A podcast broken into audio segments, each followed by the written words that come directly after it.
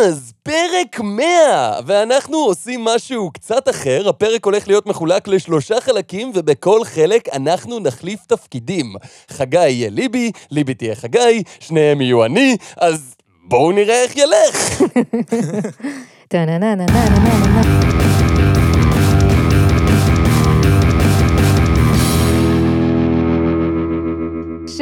לכולם, אני ליבי, איתי נמצאים חגי. היי. וגל. היי. למזק, למה זה קיים? המקום בו אנחנו שואלים את השאלה שהיא השם שלנו, והפעם, ספר השיאים של צה"ל.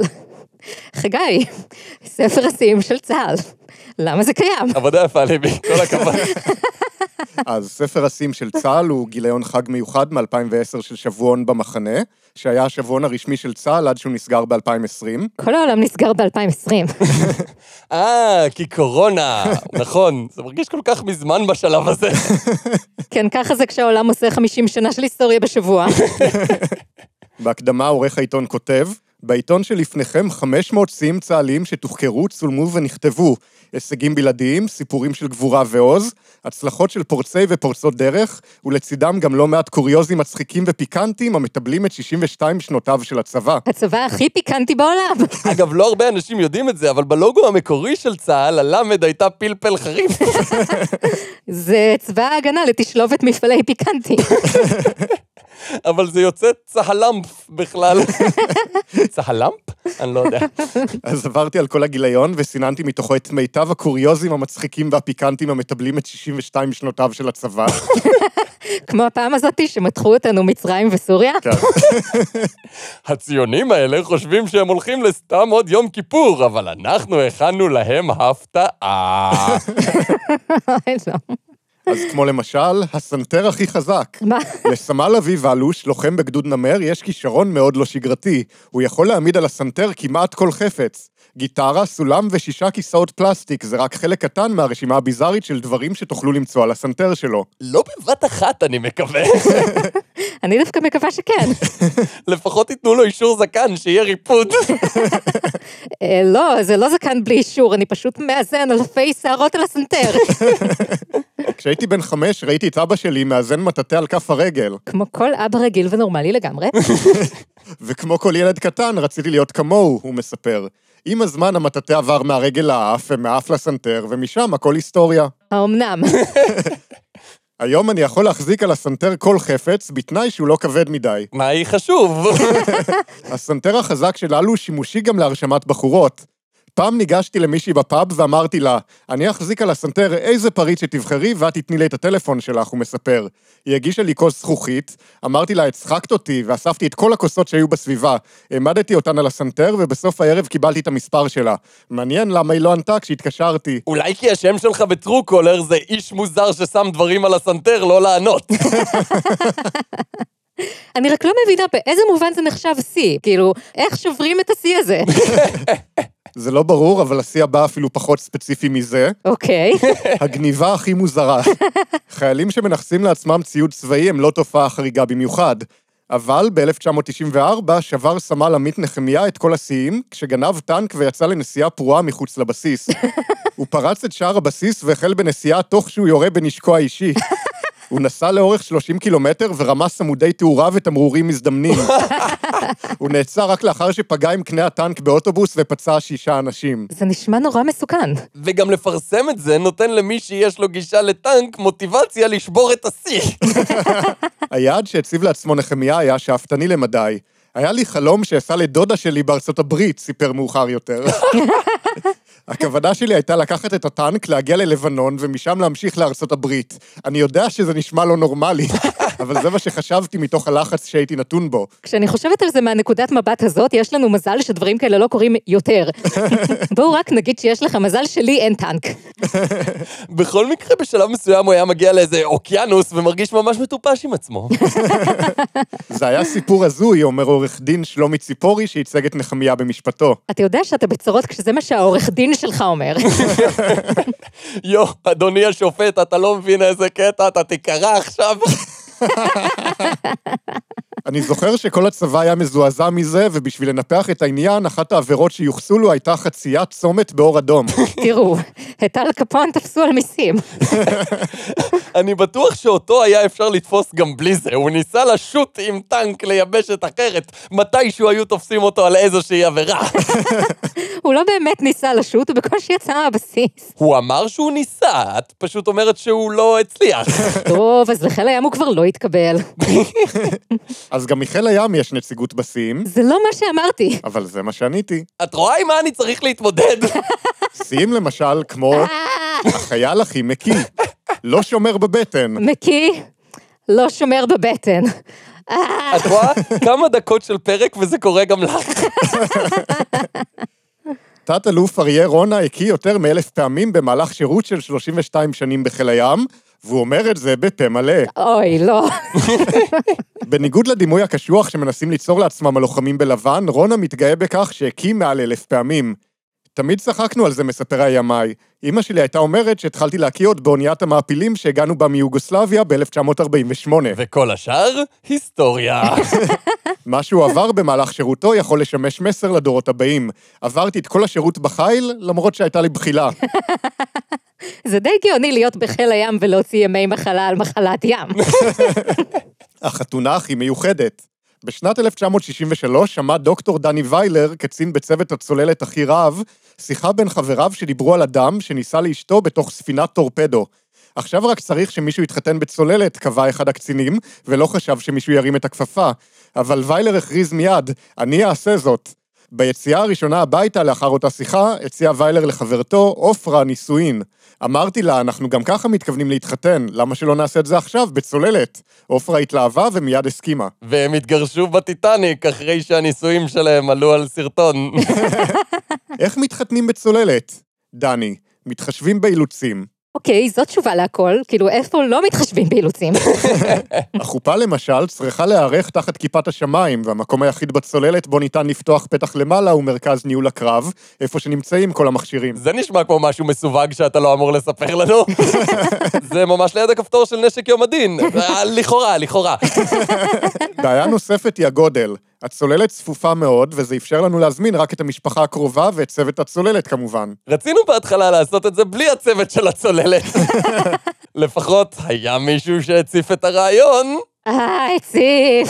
עופרה ושתי האימהות הגיעו לחופה דרך המקום שבו טוענים סירות טורפדו, ועופרה עם שמלת הכלה הלבנה שלה הייתה יפה יותר מכל טורפדו. וכשהם התגרשו, הוא העיף אותה על טיל. כמה זמן אתה מחכה עם הבדיחה הזאת? אה, עוד מהקטע עם הטיטניק, זה ישב לי בקנה. עוד מעט אני אעיף אותך. אפרופו להעיף דברים, אז גם לחיל האוויר יש כמובן מקום של כבוד בגיליון, אה, את רואה? זה קורה לבד, זה לא מפסיק הדבר הזה. אז הם הלכו בכיוון קצת יותר נועז עם שיאים כמו החיילות הכי חשופות. שש מדריכות ממוזיאון חיל האוויר הצטלמו ב-2005 כשהן לא לובשות כלום מתחת לסרבל הטיסה. הבעיה הייתה שהן לא לבשו גם סרבלי טיסה. פעם פעם פעם. התמונות שגרמו לסומק כחלחל להתפשט בלחייו של צה"ל, נגנבו מחדרן של הבנות על ידי אחד החיילים ששירת במוזיאון. וואו, זה דבר די נוראי לעשות. אני די משוכנע שזה גם לא חוקי היום. אני לא משוכנעת שזה לא חוקי, אבל אני משוכנעת שזה צריך להיות לא חוקי. זה בטוח. בצילומים אפשר לראות את הבנות מצולמות בחזה חשוף ליד פנטו, מוסקיטו ואפילו ליד הספית השחור. לא בדיוק התמונות שמופיעות בתוכניה הרשמית של המקום. הבנות טענו שמדובר במסורת ארוכה שלא צריך לעשות ממנה עניין. יש שאומרים שעד היום, בכל פעם שמדריכה במוזיאון חיל האוויר מתפשטת, טייס מאושר אחד מרגיש מכה קלה בכנף. אז בגדול חייל גנב תמונה אינטימית, הפיץ אותה תוך הפרה בוטה של הפרטיות של מספר נשים, והם כתבו על זה כאנקדוטה קלילה. תראי, המקור של הביטוי מכה קלה בכנף היה תיאור של איך זה מרגיש מהמטוס כשמטילים פצצה שהורגת 14 אנשים, כולל ילדים באירוע שדיברו עליו. אז... אז חגי, לפני שאני מוציאה את הטנק ומתחילה לירות, יש לך משהו יותר קליל אולי? ככה עושים את זה. אה, חיות חמודות, זה בסדר? חיות חמודות זה מצוין. מייל בהול שהסתובב במחשבי צה"ל לפני חמש שנים, גרם ללובשי המדים לחבב טווסים הרבה פחות. לפי המסמך שהודפס על נייר מכתבים של גדוד 75 של חיל השריון, וזכה לסיווג שמור, טווס סורר תקף את החייל יגאל זגורי בעת ביקור הגדוד בגן החיות, במסגרת תרבות יום א'. בעקבות התקיפה זגורי, הידוע כחייל בעייתי, נפצע ברגלו. סעיף הלקחים קבע כי יש לערוך תדריך בטיחות לפני כל ביקור של הצבא במוסדות שיש בהם מגע עם בעלי חיים, וכי על החיילים להבין את הבעייתיות בהתגרות בטווסים. סעיף הממצאים קבע כי הטווס ממין זכר, וראה בעצם ההתגרות פגיעה בטריטוריה. חכה שתשמע מה הולך בשטחים. וואו, למזק עושים סאטירה. רק לאחר פניית מערכות העיתונים התברר שלא היה במסמך שמץ של אמת. החייל יגאל זגורי לא שירת מעולם בגדוד 75, מספרו האישי אינו קיים במערכת, ובתאריך הנקוב שהה הגדוד באזור רצועת עזה. דובר צה"ל אף הבהיר כי מדובר במעשה קונדס. או שהוא ידע יותר מדי ומחקו אותו מהמערכת. אתה תלבש חליפה ומשקפי שמש ויקראו לך הסוכן שולה כרמלי. או מה לגבי הכלב הכי קטן בצה"ל? כן, בבקשה. ואם אפשר שניים. במשקל 10 קילו בתקופותיו השמנמנות ובגובה 25 סנטימטר בלבד, בני הוא הכלב הקטן ביותר ביחידת עוקץ. אני רוצה את תקופותיו השמנמנות. לדברי לוחמת היחידה נטע רגב, הכלבלבון לא באמת מודע לגודלו המיניאטורי. הוא מסתובב בעולם כאילו הוא רועה גרמני ומפצה על הגודל שלו בארסיות, היא אומרת. אפילו לי הוא משאיר צלקת על היד למזכרת. אה, אבל יש חיות הרבה יותר אגרסיביות בצה"ל, כמו למשל צבת הנינג'ה. סבת הנינג'ה. צבת הנינג'ה. חיית המחמד הוותיקה בצה"ל היא לא כלב, לא חתול ולא חמוס. היא צבה, ועוד צבת ים. במוקדם ובמאוחר עולה כל חייל שמגיע לשרת בתא הצוות בבסיס אי שם ממרכז הארץ, על הדמיון בין שם היחידה לשם החיה. לפני 11 שנה החליט אחד המש"קים לקחת את משחק המילים צעד אחד קדימה והביא לתא זוג צבים. עכשיו לזה אני קוראת הגדלת ראש. ראש חסה, שהם אוכלים, כי הם צבים.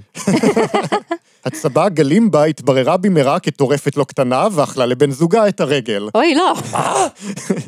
הוא הוצא מהאקווריום לצורך שיקום, ומאז התרגלה גלימבה לחיים לבד. לפני שנים אחדות צירפו אליה דג קטן, אך היא אכלה גם אותו. גלימבה. ראש תא הצוות, סמל מיכאל באואר, מתגאה. גלימבה מוכרת בכל הבסיס, תמיד באים לפנק אותה ולשמח אותה. הרוב לא חוזרים. באירועים חגיגיים אנחנו מאכילים אותה בעכברושים, ומוציאים אותה לשמש כדי שתעשה קצת בטן גב. בטן גב בשמש נשמע כמו שירות מילואים דווקא. למה ככה? גלימבה היא הכי קרבית. אז הנה השיא לבעלי החיים הכי קרביים. וואו, זה באמת פשוט קורה לבד. אתה יודע איך עוצרים את זה? אה, פשוט בדרך כלל בשלב מסוים נמאס לי, ואז אני עושה אז, וזה מפסיק. בשנת 2004 מצא מרכז התחמושת של הטל דרך יצירתית להיפטר מעשבים בבסיס. עשרות אנטילופות הובאו לבסיס כדי ללחך את העשב והקטינו משמעותית את סכנת השרפה. לימים הצטרפו לאנטילופות גם כבשי בר ננסיות, איילים נקודים, יחמורים ולמות. הלמות אף השתתפו במלחמת לבנון השנייה לצורכי נשיאת ציוד. במהלך כל השירות שלי לא עשיתי דבר אחד שהיה מועיל כמו האנטילופות האלה. באותה שנה חוילו גמלים בניסיון להילחם בפעילות חבלנית סמוך לאילת. לאחר שלושה חודשי פיילוט הוחלט לוותר על הרעיון. היה להם קשה להכניס את הפרסה לחור של ההדק של הרובה. ב-2005 צירף צה"ל לשורותיו צבי מים ודגי גמבוזיה כחלק מהמאבק ביתושים בבסיסים. אה, חזרנו לפרק 2. זהו, סגרנו מעגל, אפשר להמשיך הלאה. פרק זה מוגש לכם בחסות לספור עד 100, הכי מהר שאפשר. 1, 2, 3, 4, 5, 6, 7, 8, 9, 10, 11, 12, 13, 14, 15, 16, 17, 18, 19, עשיתם skip כבר, נכון? כאילו, דילגתם. אה, לא? 95, 99, 100. והנה כמה כותרות נוספות עם משחקי מילים מטופשים מהגיליון הזה. חייבים? כן. כאילו, תודה שניסית, אני מאוד מעריך את זה, אבל מהניסיון שלי תמיד חייבים. החיילת שמקלידה הכי מהר בצה"ל, מקשים על חייה. אה, החיילת עם המדים הכי קטנים בצה"ל, השמאל ההזוי. שמאל, אוי, לא. רב סמל מדלול מהר, האיש שמתקן פאנצ'רים בצורה הכי זריזה בצבא, מתקן את הפאנצ'ר, ומהר. זה דווקא לא רע. הנגד עם השפם הכי גדול בצה"ל, כת השפם. כת השפם, כת השפם, כת השפם, כת השפם, כת השפם. החיילת שמשרתת הכי קרוב לבית, ביקשה קל"ב וקיבלה קבב. קבב? קבב זה ראשי תיבות של כמעט בתוך הבית, אם לא הבנתם. באמת לא הבנתי. אה, ליבי, את זוכרת את הטריק שלימדתי אותך קודם, איך גורמים לזה להפסיק? אז חגי, ספר השיאים של צה"ל. למה זה קיים? עשיתי את זה טוב? כן, כן, מעולה. אוקיי. כי אם כבר לעשות פרופוגנדה מיליטנטית, לפחות עם חיות חמודות ומשחקי מילים. אז, ליבי, חזרתי לתפקיד שלי. Queens Academy, למה זה קיים? אז Queens Academy הוא מרכז ריקוד לנשים, אוקיי, נשמע מאוד הגיוני עד לכאן. שמתאר את עצמו באתר כבית לנשים שבוחרות לאהוב את עצמן, לעוף על הנשיות שלך כי את מלכה. ובתמונת רקע יש כמה נשים שעושות טוורקינג ביחד. כן, המלכה אליזבת הייתה ידועה בזכות ה twerk שלה. היי מלכה, ברוכה הבאה לאקדמיה למלכות, בית הספר המתמחה בטוורקינג, העצמה נשית, ריקוד נשי ותודעת מלכה לנשים בלבד. אוקיי, אז טוורקינג זה הקפצה רפטטיבית של הישבן, והעצמה נשית זה לעודד ולתת כלים לנשים במטרה לאזן את ההקטנה וההסללה של הפטריארכיה. אבל מה זה תודעת מלכה? אני חושב שזה משהו שנולדים איתו, שהורגים מספיק אנשים כדי לקבל אותו. ואת זה אפשר אה, ללמוד שם? אתה רוצה לשמוע איך אפשר להצטרף? לא. חבל, עכשיו תורי. ידעתי שזה יתנקם בי בסוף. איך מצטרפות? לנשים בגילאי 27 עד 55 שחולמות לרקוד, שאוהבות לרקוד, שרוצות להרגיש נחשקות ולהתחבר לאגן שלהן ולאנרגיה הנשית והמינית שלהן בעוצמה. מצד אחד ההקראה שלך מרגישה מאוד אינטנסיבית, מצד שני כל משפט פה נגמר באו סימן קריאה אחד או שניים, אז כאילו נשמע נכון סך הכל. אין כאן אף סימן פיסוק אחר, בכלל. אישית אני חושב שרוב הנשים מאוד מחוברות לאגן שלהם, כאילו, בשביל זה יש עמוד שדרה וטורסו. מתחיל מקורס היסודות, Queens Basic, שנקרא האישה החושנית, בו תלמדי את סודות האגן ברמה הפיזית והתודעתית, ואיך זה קשור ומשפיע על כל רבדי החיים שלך. לעוף על עצמך זאת לא סיסמה, זאת דרך חיים אצלנו. היה פה עוד סימן פיסוק, כאילו, מקף, אבל עדיין. זה ידוע שנשים מצליחות לאורך ההיסטוריה הלכו לבתי ספר יוקרתיים כדי ללמוד איך לעוף על עצמן. אם אין לחם, אה, ניסיתם טוורקינג? באקדמיה, כל אישה, בכל גיל ובכל מידה, מתאמנת על אהבה עצמית בדיוק כפי שהיא. כל אישה בכל גיל, כל עוד זה גיל 27 עד 55 כמובן. כי לפני זה את עוד מרגישה טוב, כי את עדיין צעירה, ואחרי זה כבר לא אכפת לך. חוץ מזה, הלוגו שלהם זה פשוט צללית של אישה סקסית קלישאתית על עקבים שקורעת ברך, רק שיש מעל זה כתר בנוסף. כאילו, אם היא אמורה להיות המלכה, אז למה היא קורעת ברך? בכל מקרה, אז הבעלים והמייסדת של קווינס אקדמי נקראת שגית ברמי, והיא מספרת באתר שלה. התחלתי את דרכי בבניית הארמון עבורך ב-2014, ופיתחתי שיטה שמקשרת בין ריקוד נשי ותת-מודע, ועל ידי כך משנה חיים. משנה חיים זה לא רף גבוה. כל דבר משנה חיים. המשפט הזה שינה את החיים שלכם מכאלה שבהם לא שמעתם את המשפט הזה, לכאלה שבהם כן שמעתם את המשפט הזה. אלא אם כן היא טוענת שבעצם הכל היה דטרמיניסטי, ומאז המפץ הגדול כל האטומים הלכו לפי מסלול קבוע ומתוכנן מראש, אבל אז, יום אחד, היא לימדה כמה נשים מאיך להזיז את הטוסיק, וכל התוכנית הקוסמית התחרבשה.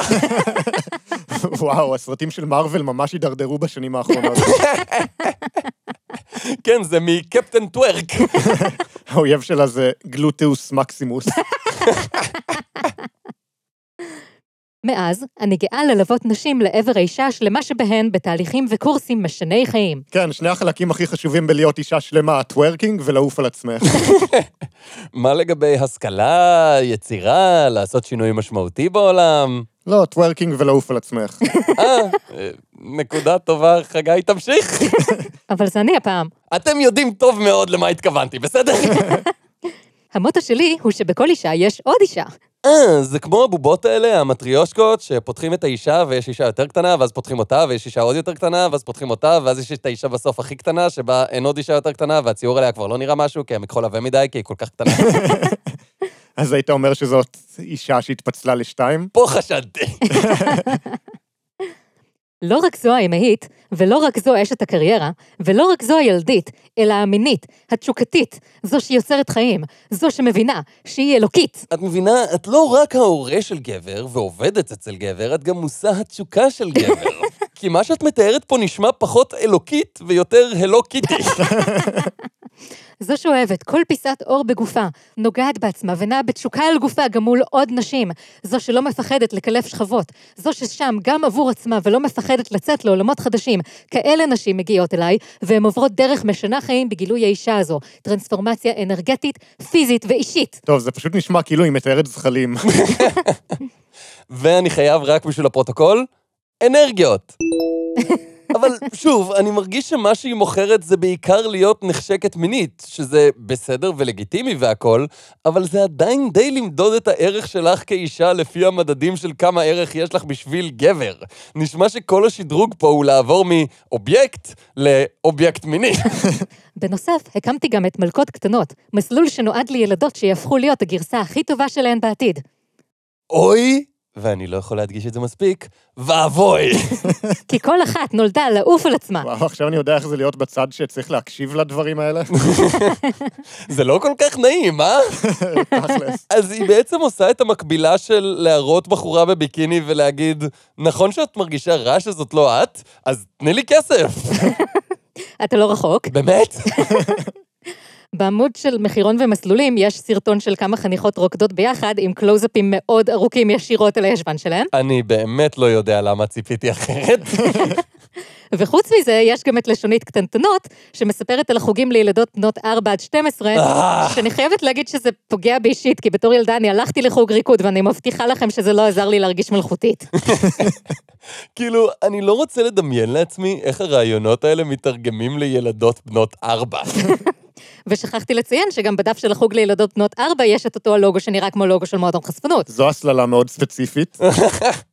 כאילו, באמת, זה ילדות בנות ארבע, איך אפשר להצדיק דבר כזה? אז יש לה הסבר בשביל זה. הוא מוצדק? הוא הסבר. כילדה לא לימדו אותי אהבה עצמית בבית הספר וכמה אני חשובה לעולם. למעשה, עד גיל מאוחר לא אהבתי את עצמי, חשבתי שאני לא מוצלחת, ולא אפשרתי לעצמי המון אפשרויות שגיליתי שקיימות היום. זה לא חייב להיות ככה. אפשרויות נפלאות, כמו לשחק על רגשות האשם שיש לנשים שהן לא עומדות בסטנדרט בלתי אפשרי, ואז לגבות מהן כסף בהבטחה שזה ימלא את החלל ותחושת חוסר האונים. חשבתי שאהבה עצמית זה משהו לכולם כזה. לא, לא, לא, או שאת מלכה או שאת כלום. אני אלחץ לך על כל הנקודות הכי כואבות, אבל אני אעשה את זה בניסוח חיובי, כאילו אני עוזרת לך, ואז אני אגיש לך את החשבון. כאילו, נראה לי שקצת הגזמת פה, היא סך הכל מאמנת כושר. כקואוצ'רית ומלווה נשים להגשמה, אני משלבת שיטות שונות מעולם האימון האישי, הקבלה, NLP, עולם הרוח וחוקי היקום. אוקיי, בסדר. והיא לוקחת 400 שקל לשעת טיפול. אז, ליבי, קווינס אקדמי. למה זה קיים? כדי שתוכלי להיות המטריארכית המונרכית שמשלמת לי בהוראת קבע. אז, גל, עיר 15 הדקות, למה זה קיים? אז עיר 15 דקות זה קונספט בתכנון אורבני, שאומר שרוב הצרכים היומיומיים צריכים להיות במרחק של 15 דקות. זה נשמע הגיוני סך הכל. כן, החשיבה הכללית בפני עצמה היא לא מאוד חדשה, יותר יעיל להגיע לדברים קרובים יותר? כמה מפתיע. אבל ב-2021 אורבניסט בשם קרלוס מורנו הוציא מאמר שנתן הגדרה ספציפית לרעיון. ההצעה אומרת שלא ייקח יותר מ-15 דקות הליכה או רכיבה באופניים כדי להגיע למקומות שממלאים שישה צרכים. מגורים, עבודה, מסחר, בריאות, חינוך ובידור. אני ממלאת את כל הצרכים האלה על המיטה עם הלפטופ. כן, אבל ההצעה הזו נועדה לאנשים שיוצאים מהבית. לא משנה. במאמר מורנו מציע פתרון לבעיית התלות ברכב הפרטי, והמודל שלו הוא בעצם ההפך מסביבה פרברית, שזה שכונות של בתים פרטיים מבודדים, שצריך להוציא בהן רכב כדי להגיע לכל מקום שיש בו משהו. כן. כי הרי לא רק שרכב פרטי זה מזהם, יקר ולא נגיש לילדים, זה גם דרך מאוד לא יעילה להעביר אנשים ממקום למקום. כן, ואם למדתי משהו מכל הצילומים של ההפגנות, זה שהרבה מאוד אנשים יכולים להיכנס לצומת השלום. זה מה שלקחת מזה? אז הרעיון הוא שאם הכל קרוב, אין סיבה להוציא רכב כל יום, ובעצם להיות בעצמך חלק מהבעיה של הפקקים שאתה סובל ממנה. גל, אני יודעת שאתה לא רגיל לעשות את זה, אבל ממתי אנחנו מדברים פה על דברים שהם פשוט מוצלחים והגיוניים? חכי, חכי, אני יודע מה לעשות. גל, יש ביקורת כנגד ההצעה הזאת? אה, כמובן, באוניברסיטת תל אביב, תחת האתר של המעבדה לעיצוב עירוני בראשות פרופסור טלי חתוקה, כותבים ש...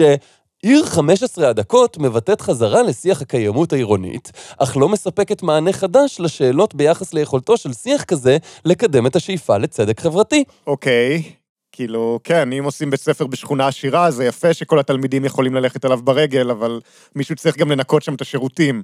אז גם הוא צריך להיות מסוגל להרשות לעצמו שכר דירה לגור 15 דקות הליכה משם. אז זהו, הם בדיוק טוענים שהתעדוף הזה להליכה ואופניים מייצר גם מצבים כאלה.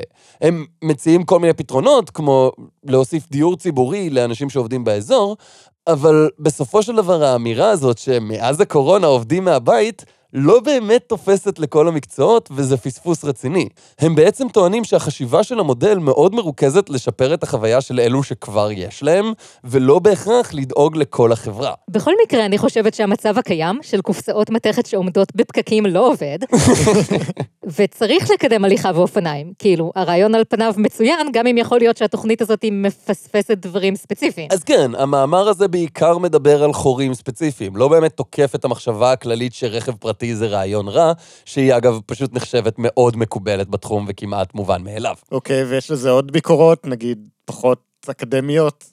אולי משהו לא של פרופסורים? אה, בוודאי, יש עוד כתבה מהבלוג של עידו צפרוני באתר הארץ, שכותב, מעבר לקשיים נקודתיים ביישום חזון עיר 15 הדקות, האופן שבו הוא מנוסח מצביע על בעיות מהותיות יותר ביחסו לסוגיות חברתיות. בהצעותיו של מורנו קשה למצוא התייחסות למחקרים הרבים שעסקו בצפיפות עירונית ובחסרונותיה. למשל, הקושי הניכר למצוא דיור בר השגה בתנאי מחיה מספקים.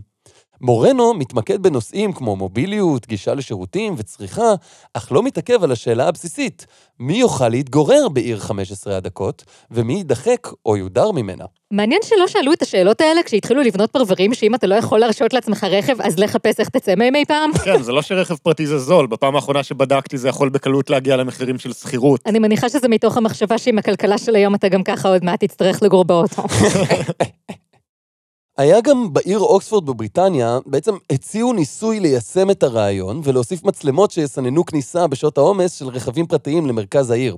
וואלה. כן, הרעיון הוא שאוטובוסים, אופניים, הולכי רגל יעברו חופשי, אבל רכבים פרטיים יצטרכו לשלם קנס. אז כאילו, אם אתה רוצה להגיע באוטובוס, זה יעלה לך כמו נסיעה רגילה, ואם אתה רוצה לבוא עם הג'יפ שלך, אז אתה גם יכול, אבל תצטרך לשלם. בדיוק, יש גם נהגים שפטורים מתשלום ומותר להם, אבל ככה סתם, אם אין לך הצדקה או אישור, הכניסה בשעות העומס תעלה לך מקבילה של 300 שקל.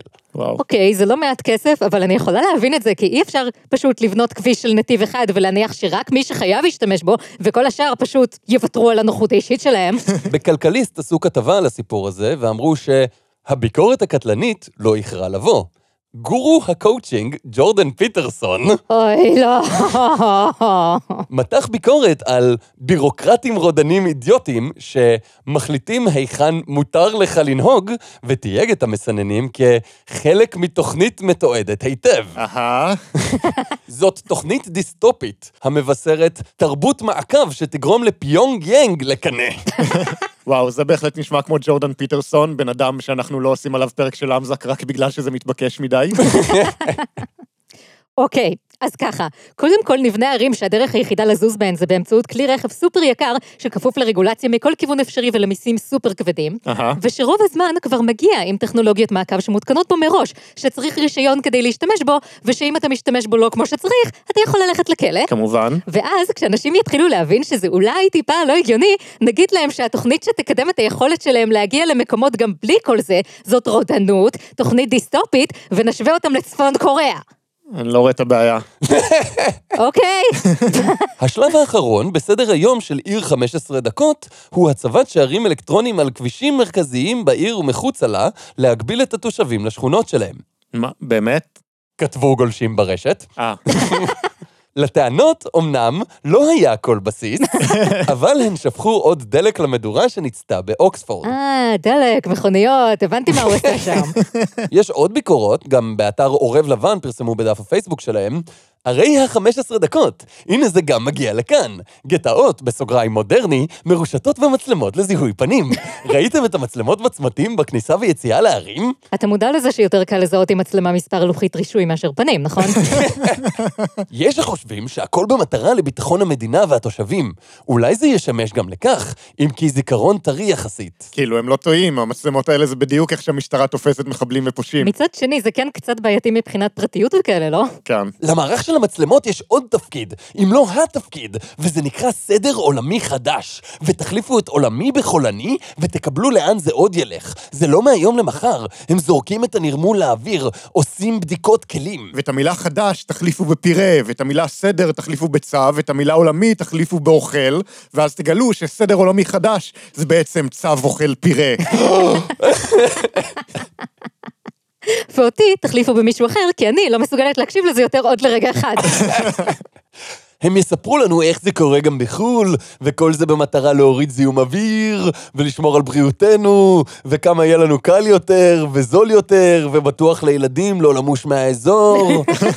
שבכל קרן רחוב תעמוד מצלמה עם זיהוי פנים, והכל יישמע מאוד הגיוני וכמובן וולנטרי בהתחלה. רוב התוכניות הממשלתיות ששמעתי עליהן עד היום אפילו בהתחלה לא היו הגיוניות וולונטריות.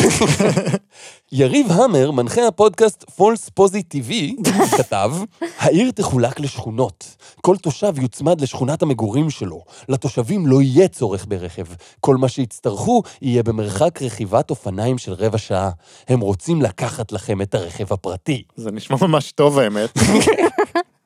הם לא רוצים לקחת לנו את הרכב, הם רוצים שלא נהיה חייבים להשתמש בו, ואם לא נהיה חייבים להשתמש בו, אז לא נרצה אחד כי זה גרוע, ואז סביר שלא נקנה אותו, ואז לא יהיה מה לקחת מאיתנו. נראה לי שמצאת את השיטה המושלמת שאף פעם לא ייקחו לך את הרכב.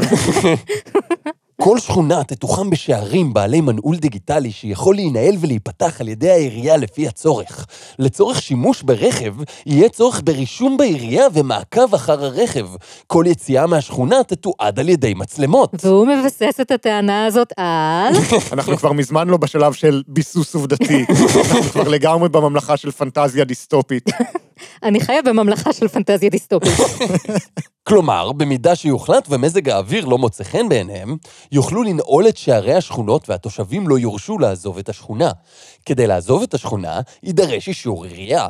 תוגבל כמות הפעמים שאנשים יכולים לצאת מהעיר.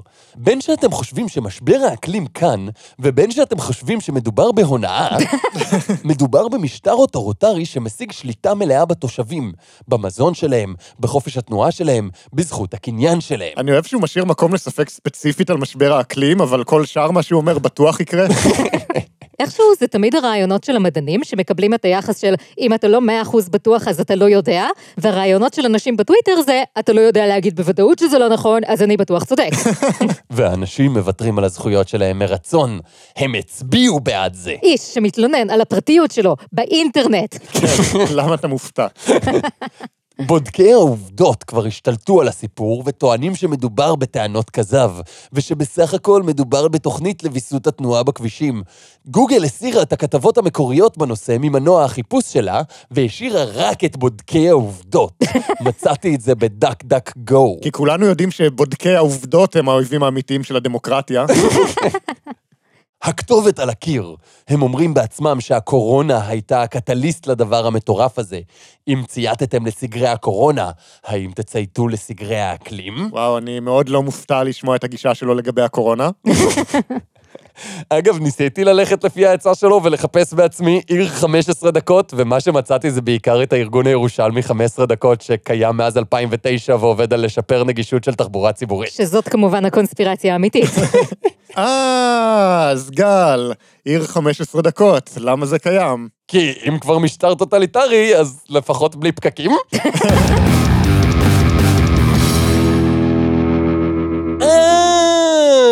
אז זה היה פרק 100. של... למזק. וואו, אני לא מאמין שהגענו למאה פרקים. אני עדיין לא מאמין שהגענו לעשרה פרקים. אני לא מאמינה שאני עדיין פה. תודה רבה לכל מי שעזר, האזין, תמך והשתתף במהלך 100 הפרקים האחרונים. השתתף, זה אנחנו. לא רק, היו גם אורחים, אז תודה גם להם. ותודה גם לעודד פוירשטיין, שהביא לנו את ספר השיאים של צה"ל. שגם עודד היה אורח. בסדר, בסדר, אז היו אורחים. חוץ מזה, אנחנו רוצים להגיד תודה מיוחדת לקהילה מזק שבמהלך כל הפגרה חיכו בחוסר סבלנות משווע.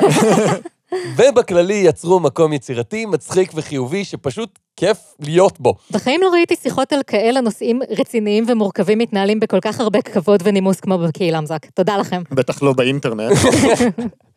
ותודה כמובן גם לפטרונים שלנו, אנחנו מעולם לא היינו תחת אשליה שהדבר הזה לא יהיה משאבת זמן וכסף, אבל בזכותכם זה טיפה פחות הפסדי, ואנחנו באמת מעריכים את זה. אם עוד במקרה לא ראיתם, העלינו אוסף בונוסים מיוחד לרגל פרק 100, והוא כבר עכשיו זמין בדף הפטריון שלנו. חלק מהם פתוחים ציבורית, אז גם אם אתם לא פטרונים, אתם יכולים להיכנס ולראות, ואם תבחרו להצטרף, תקבלו גישה גם לאוסף הזה, וגם לכל הבונוסים שהעלינו עד היום.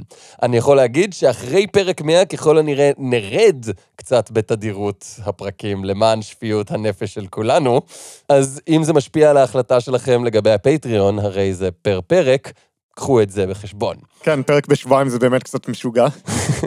אבל בכנות, אני יכול לומר שבלי שתי הקבוצות האלה, הקהילה למזק והפטרונים, למזק לא היה מגיע לפרק 100. כן, זה נכון. אז תודה לכולכם באמת מכל הלב, ואם אתם רוצים להצטרף לאחת מהן, כל הפרטים, כמו תמיד, בתיאור של הפרק. תודה באותה נשימה גם לתום ברקו, המאזינה מספר אחד של למזק. כאילו, מילולית, היא מקשיבה לכל הפרקים לפני שהם יוצאים ועוזרת לנו למצוא תקלות. תודה, תום. וכן, זהו. אה, חגי, אתה רוצה לספר לנו מה למדנו מהפרק? כן. אז, זה היה פרק 100 של למזק, בו למדנו שלמלכה אסור להיכנס עם הטנק שלה לעיר 15 דקות. אז אה, ביי. ביי. ביי. וואו.